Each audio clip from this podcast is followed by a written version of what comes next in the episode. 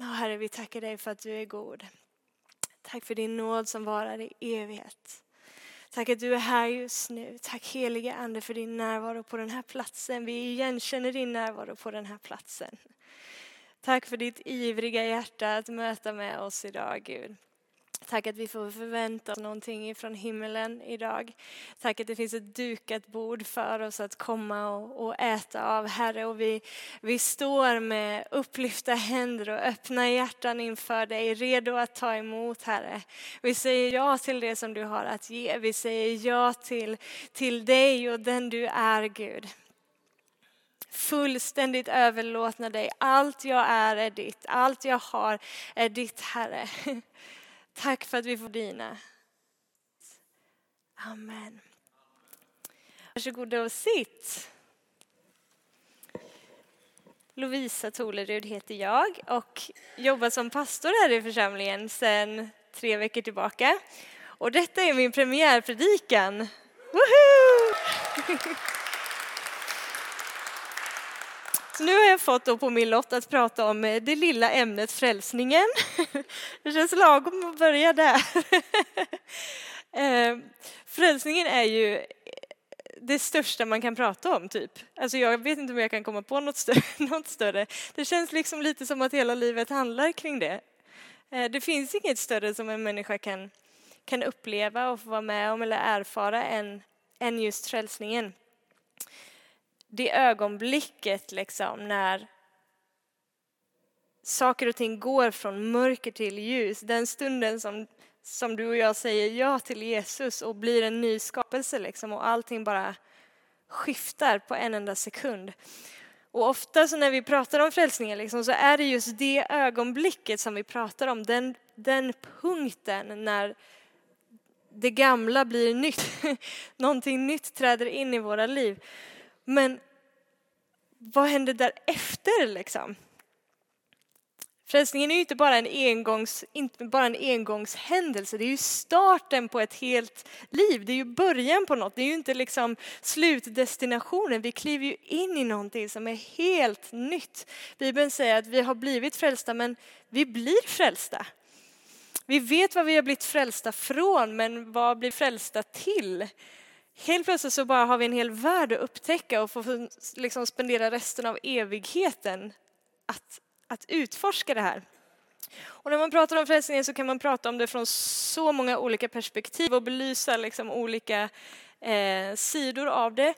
Men en sak är säker och det är ju att korset är centralt. Vi kan inte prata om frälsningen utan att prata om Jesu död och Jesu uppståndelse. Det är liksom eh, källan, det är det som eh, avgör och möjliggör. Är vi överens om det? Yes, bra, ni är med mig på banan. Ehm, jag tänkte idag när jag pratar om det här, jag flyttar mig hit istället, det känns som jag står så himla mycket på sniskan. Ehm, så tänkte jag att jag skulle ta mitt avstamp lite i eh, en av de texterna som Ida läste i början från Johannes evangeliet kapitel 12. Eh, där Jesus säger att eh, vandra i ljuset så blir ni ljusets barn. Så jag tänkte leka lite med det här begreppet ljus och mörker och så här. Jag vet inte om ni har varit med om det, jag har varit med om det väldigt många gånger i alla fall, när jag ska dela min tro eller dela eh, Gud med någon som ännu inte tror. Eh, och så börjar man prata liksom om att det finns en god Gud och så här så har jag väldigt många gånger mötts av argumentet att nej men vet du, jag tror inte att Gud finns därför att det finns så mycket mörker i världen. Är det någon annan som har fått höra det? Ja. Jag kan inte tro att, att, mörk, att Gud finns, för det, vi ser så himla mycket mörker i världen, vi ser så himla mycket ondska i världen och det för mig talar för att eh, Gud kan inte finnas. Och så använder man det argument, man använder mörkret som argument för ljusets icke-existens. Vilket i min värld inte riktigt går ihop. Ehm, och det finns en, eh, en strof som jag brukar komma tillbaka till eh, och tänka på ibland när det gäller det här. Och det kommer utifrån en låttext som en artist som heter Lale har skrivit. Känner ni till Lale? Ehm, hon har skrivit en låt som jag inte alls vet hur den går egentligen, eller vad den heter, men den här strofen går i alla fall Just because it's black in the dark doesn't mean there's no colors. Bara för att det är svart i mörkret så betyder inte det att det inte finns några färger. Ganska sant, eller hur? Bara för att vi inte ser någonting så betyder ju inte det att det inte finns. Liksom. Så det här med att det är så mörkt i världen eh, och att det därför skulle finnas någon gud, eh, det argumentet håller liksom inte riktigt hela världen. Eller så har jag mötts av att människor kanske faktiskt de, de eh, köper att det finns en gud, men de kan inte köpa att Gud är god eftersom det finns så mycket mörker i världen. Så antingen tror man inte att Gud finns alls för att det finns mörker i världen, eller så tror man att Gud finns men han kan inte vara god för det finns så mycket mörker i världen. Och så liksom blir det på något sätt så att man, som att man härleder både mörker och ljus till Gud. Och det här blir inte bibliskt. Det, går inte, det, det är inte liksom kompatibelt med vad Guds ord faktiskt säger. Så jag tänkte att vi kunde börja med att bara slå fast att mörkret är inte, har inte sitt ursprung i Gud. Punkt. Eh, Gud skapade världen, det första som Gud skapade, kommer ni ihåg vad det är han säger? När han skapar världen. Var det ljus? Ha, det borde säga oss någonting om Guds karaktär. Det blir en, en liksom reflektion av vem Gud är. Var det ljus? Och det blir ljus. Och sen så står det så här i första Johannes brev kapitel 1 och vers 5. Gud är ljus och inget mörker finns i honom. Punkt. Icke förhandlingsbart. Gud är ljus Inget mörker finns i honom. Och ytterligare ett bibelord, Eh, Jakob brev kapitel 1 och vers 17. Allt det goda vi får och varje fullkomlig gåva är ifrån ovan. Det kommer ner ifrån ljusets far som inte förändras eller växlar mellan ljus och mörker. Hyfsat tydligt att mörkret inte kommer från Gud. Att Gud bara är ljus, att Gud bara är god inget alternativ. Det är viktigt att, att vi, även vi som liksom kristna som tror att vi får detta på plats, alltså, för vi kan bli lite förvirrade i det här också. Vi kanske kommer till det sen, men så är det i alla fall. Gud är god, Gud är ljus. Basta. så vart kommer mörkret ifrån?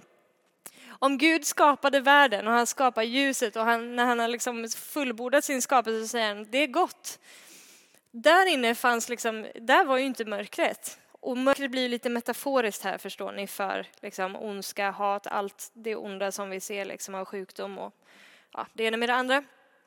Det kommer ju in som ett resultat av Adam och Evas synd, eller hur? När de väljer att göra det enda som Gud säger att vet ni, gör inte det här för då kommer relationen mellan mig och er att brytas. Det kommer förändras för alltid. Please don't do this. De väljer att göra det och drar med sig liksom hela skapelsen ner i fallet. Det var inte bara de som fick det lite jobbigt ett tag utan hela gripande skapelsen åker med dem ner. Liksom. Mörkret och döden gör helt plötsligt sitt inträde i, i denna skapelse och hela mänskligheten efter det lider av de här konsekvenserna. Därför ser vi mörker idag. Därför ser vi den ondska som, som vi ser idag. Inte för att Gud har skapat den, men för att det, det kom in i och med syndafallet. Men Gud är aldrig mörkrets, mörkrets ursprung. Så allt mörker som vi ser är ett resultat och en konsekvens av det. Um, många har jag hört säga att man, så här, när man pratar med människor i allmänhet liksom, så kan man ofta höra så här, vilken typ av syn som folk har på världen och den tiden som vi lever i. Och då hör jag ofta i alla fall att men det är en så himla mörk tid som vi lever i. Lite så här hopplös liksom, syn bara på, på tillvaron. Eller så här.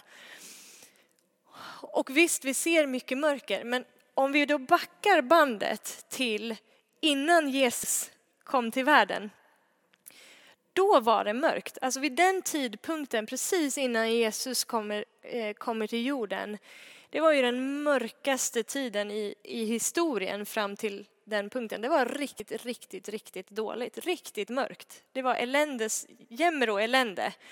Eh, och i denna tid då så väljer Gud själv som är ljus, som bor i evig härlighet liksom och ära. Gud själv väljer att iklä sig mänsklig gestalt och kliva ner in i detta mänskliga mörker. Ner till detta jämmer och elände, lämna det som var så fantastiskt liksom. Men väljer att, att bli ett med tid och rum. Det eviga ljuset stiger in i tid, iklär sig kött och blod så som dig och mig för att identifiera oss identifiera sig med dig och mig och det som vi är och det som le vi lever i. Och när han stiger ner, vad gör han? Han uppenbarar för människorna, så här är Gud. Här kommer ljuset. Ni, har sett, ni vet om mörker, men så här är ljuset.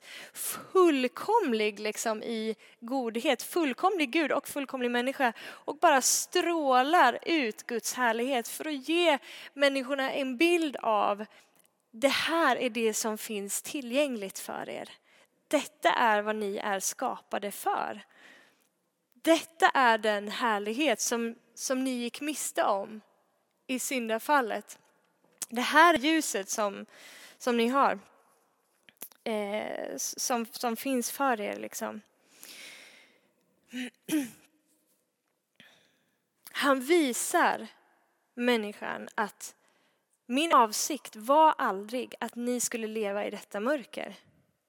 Du och jag upplever ju också det här mörkret ibland, eller hur? Alltså vi, vi är ju inte immuna mot det som händer i vår värld bara för att vi är kristna. Alltså vi ser det och ibland drabbas vi av det. och så här. Eh, och Gud hade aldrig för avsikt att vi skulle liksom leva förslavade av det här mörkret, att vi skulle vara fångna i det eller leva, leva besegrade av det. Utan hans avsikt har ju alltid varit, precis som med Adam och Eva, att vi skulle få leva i den obrutna relationen och ha tillgång till det eviga ljuset, vara kopplade med det eviga ljuset och alltid få vandra i det här eviga ljuset och all den friheten som som det ger. Och enda sättet för Gud att föra oss tillbaka till att få vandra i det eviga ljuset, att få vandra i den relationen var att stiga ner och fullt ut identifiera sig med människan och dess mörker. Att fullt ut bli människa för att fullt ut kunna frälsa det mörker som var i människan. Bara Gud själv kan rädda människan från det mörker. Människan kan aldrig frälsa sig själv. Mission impossible, det går inte. Men Gud själv kan göra det. Men för att kunna göra det så var han tvungen för att fullt ut bli människa. Identifiera sig fullt ut med människan och det som, som hon var och det som hon gick igenom. Hebreerbrevet kapitel 2, vers 14 säger så här. När nu barnen hade fått del av kött och blod tog han själv på liknande sätt del av detta för att genom sin död göra den maktlös som hade, dö- som hade makt över döden, alltså djävulen. Barnen, vilka är barnen? Det är ju vi. Vi är kött och blod. Han tog själv på sig det här. Han blev själv kött och blod för att genom sin död göra den maktlös som hade makt över döden, alltså djävulen. Om man fortsätter, jag tror inte vi har lagt upp det där, men fortsätter man att läsa lite längre ner i samma kapitel, i Hebreerbrevet eh, 2.18 eh, så säger han att han har fått lida och blivit frestad, precis som vi, och därför så kan han också hjälpa dem som frestas.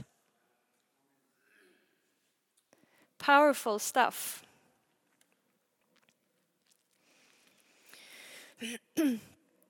Om vi hoppar då, Jesus lever ju ett helt liv här, nu har vi pratat liksom om det faktum att han att han blev människa för att identifiera sig med människan. Han lever ett helt liv för att visa vem, vem Fadern är, vem himlaljusens fader är. Kommer till korsfästelsen. Läser i Andra Korinthierbrevet kapitel 5 och 21. Han som inte visste av synd, honom gjorde Gud till synd i vårt ställe för att vi i honom skulle bli rättfärdiga inför Gud. Han som inte visste av synd, som har levt liksom ett helt liv som människa, som dig och mig, utan att göra ett enda snedsteg, liksom, varken i hjärta eller gärning. Han som inte visste av synd, honom gjorde Gud till synd i vårt ställe för att vi skulle kunna bli rättfärdiga inför Gud. Vad är det som händer på detta kors? Någonstans Enda sättet att vinna seger, att besegra detta mörker som har liksom fått sitt inträde i världen och inträde i människan. Enda sättet att besegra det är att dö.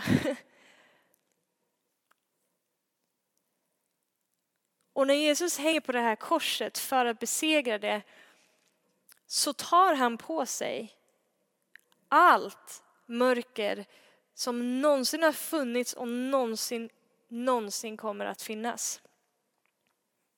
Och bl blir till synd. Alltså han inte bara han inte bara dör för dig och mig, han dör som dig och mig.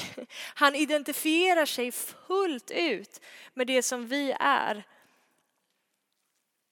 Tar det på sig och dör.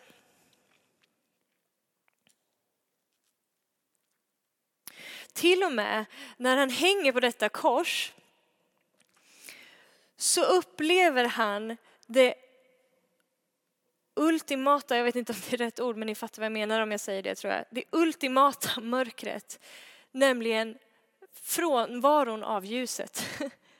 Han säger när han hänger där, Gud, varför har du övergett mig?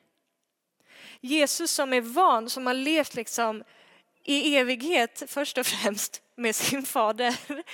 Eh, men också när han lever på jorden, lever i sån intim relation hela tiden med sin far. Liksom. Det finns ingenting som, som, är liksom, som skymmer där, utan i konstant närvaro av sin far. Han är så van liksom, att alltid leva i den intima gemenskapen. Och så hänger han nu där på korset och är helt har helt fullständigt tagit på sig det här mörkret och all denna synd, liksom all ångest som går att, att tänka sig. Och detta blir så överväldigande för honom känslomässigt att han upplever det som att Gud har övergivit honom. Han upplever det som att Gud är frånvarande. Det måste ju vara liksom det mörkaste av mörker som finns den totala frånvaron av ljus. Varför upplever han det? För att du och jag aldrig skulle behöva uppleva det.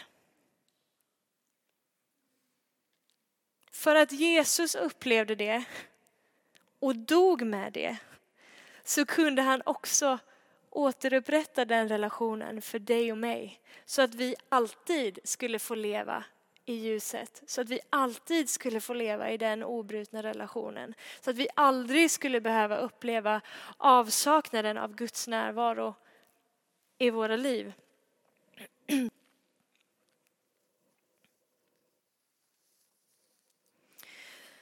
Så Jesus på korset han sväljer upp allt mörker. Tar ner det i döden. Är i dödsriket i tre dagar. Vad som hände där, I don't know. Men där är han. Han till och med smakar på döden i vårt ställe så att vi inte skulle behöva. Så det sker ett heligt utbyte här. Vi ser det i det här ordet.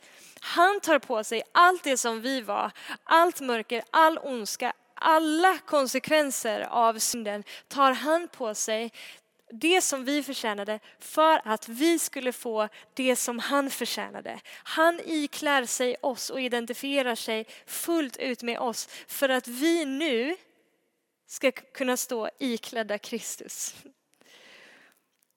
och fullt ut identifiera oss med honom.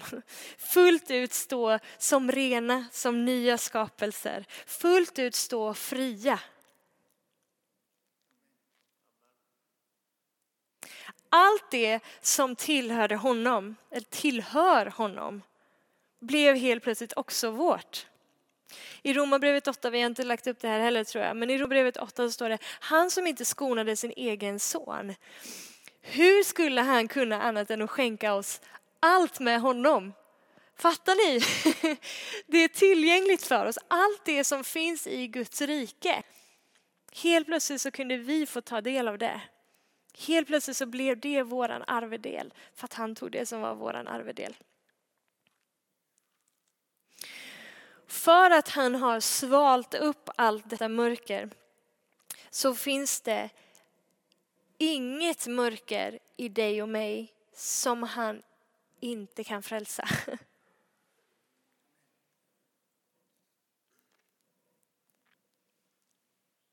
Det finns inget.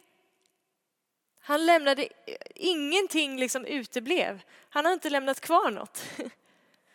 Vi upplever ju vi, alltså, vi är ju frälsta, de flesta av oss här i alla fall. Eh, och är du inte det så får du väldigt gärna bli det idag. Eh, men vi lever ju i en fallen värld, eller hur? Eh, och vi drabbas ibland av det som är av mörker runt omkring oss. Vi har inte blivit immuna mot det. Skillnaden är att mörker, mörkret kan aldrig övervinna oss. Det kan aldrig besegra oss. Det kan aldrig utsläcka ljuset som finns i oss. Never ever.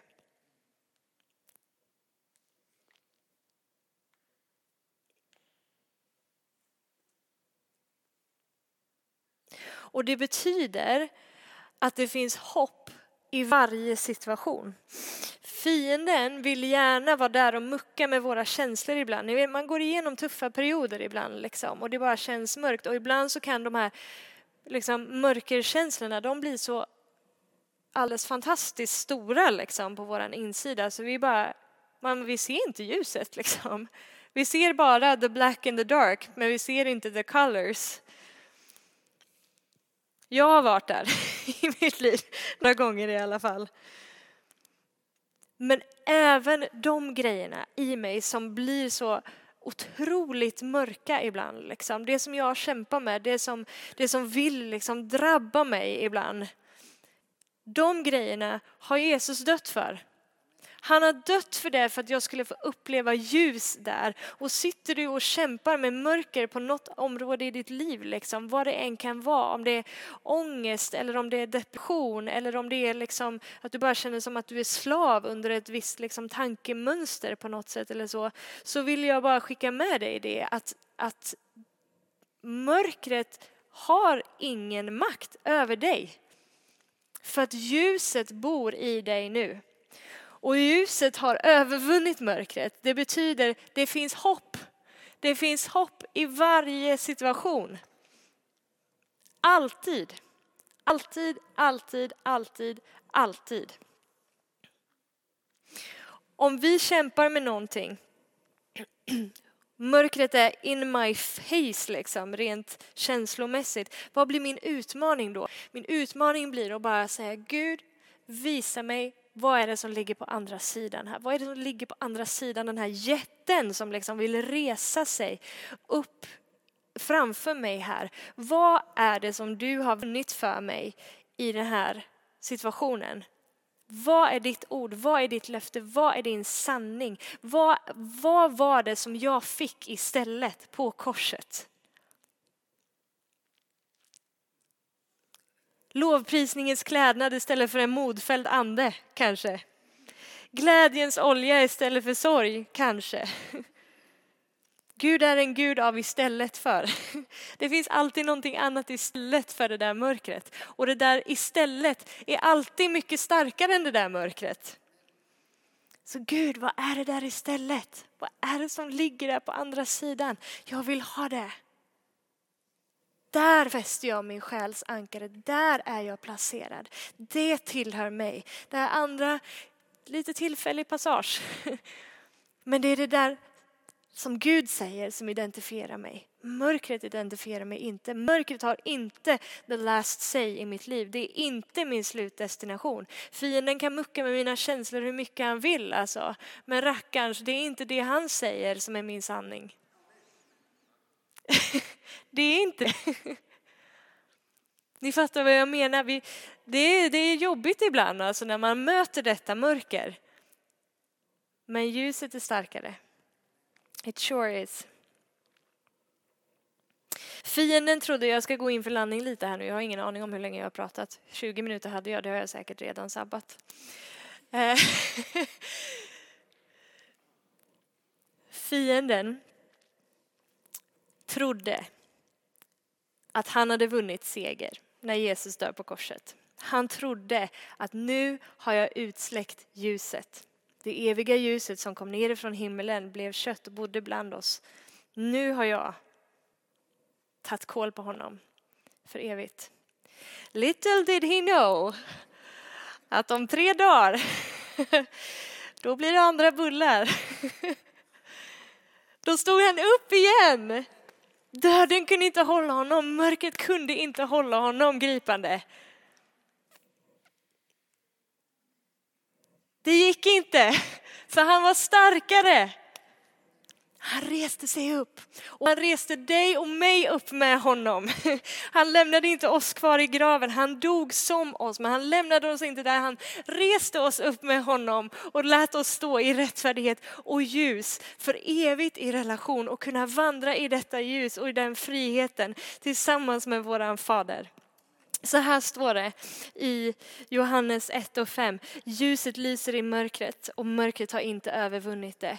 Inte bara reser Jesus upp utan helt plötsligt så skulle det också tändas miljontals ljus. Det är nästan synd om djävulen eller på att säga. Men här tror han att han har liksom utsläckt det här ljuset och så bara, nej, nu kom det väldigt många fler som om miniljus här också. För ljuset bor i dig och mig.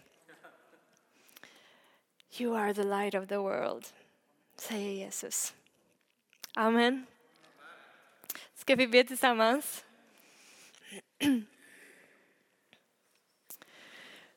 Vi tackar dig Herre att du är ljuset som lyser. Tack att ingenting kan utsläcka dig och ingenting kan utsläcka ljuset som bor på våran insida Herre. Tack att oavsett Gud vilket mörker som vi kan brottas med, vilket mörker som vi går igenom i våra liv, Herre, så är ljuset starkare. Och jag vill bara liksom ställa mig i gapet för mina vänner som är här just nu och, och förlösa hopp. Förlösa hopp in i varje hjärta. Varje hjärta som, som känner sig bundet liksom, av något form av mörker, bara tala hopp in i dig just nu. Tala liv in i dig just nu. Tack helige Ande att du kommer och blåser med din vind, sveper igenom oss Herre och, och eh, låter liksom mycket få rinna av. Herre, om det eh, finns någon här som, som har liksom mörker in, in your face så ber jag att du skulle uppenbara Herre, vad, vad är det du har istället? Lovprisningens klädnad istället för en ande, glädjens olja istället för sorg. Tack att du kommer att uppenbara det, Herre. Du gör det levande för oss. Helige Ande, res dig upp på vår insida. Tack att vi inte är offer, Herre. Vi, vi är inte under, utan vi är, vi är över allt form av mörker som vill trycka ner. Tack att vi inte är besegrade av det onda. Utan du Herre, du har vunnit. Du har besegrat mörkret. Du har besegrat all form av mörker för alltid och för evigt. Och vi får ställa oss tillsammans med den segern i våra liv, Herre. Tack Gud, tack att du kommer och löser ifrån alla band som vill binda. Varje boja som vill hålla, hålla tillbaka eller hålla fast. Du kommer att löser sig ifrån det. Just nu. I Jesu namn. Amen.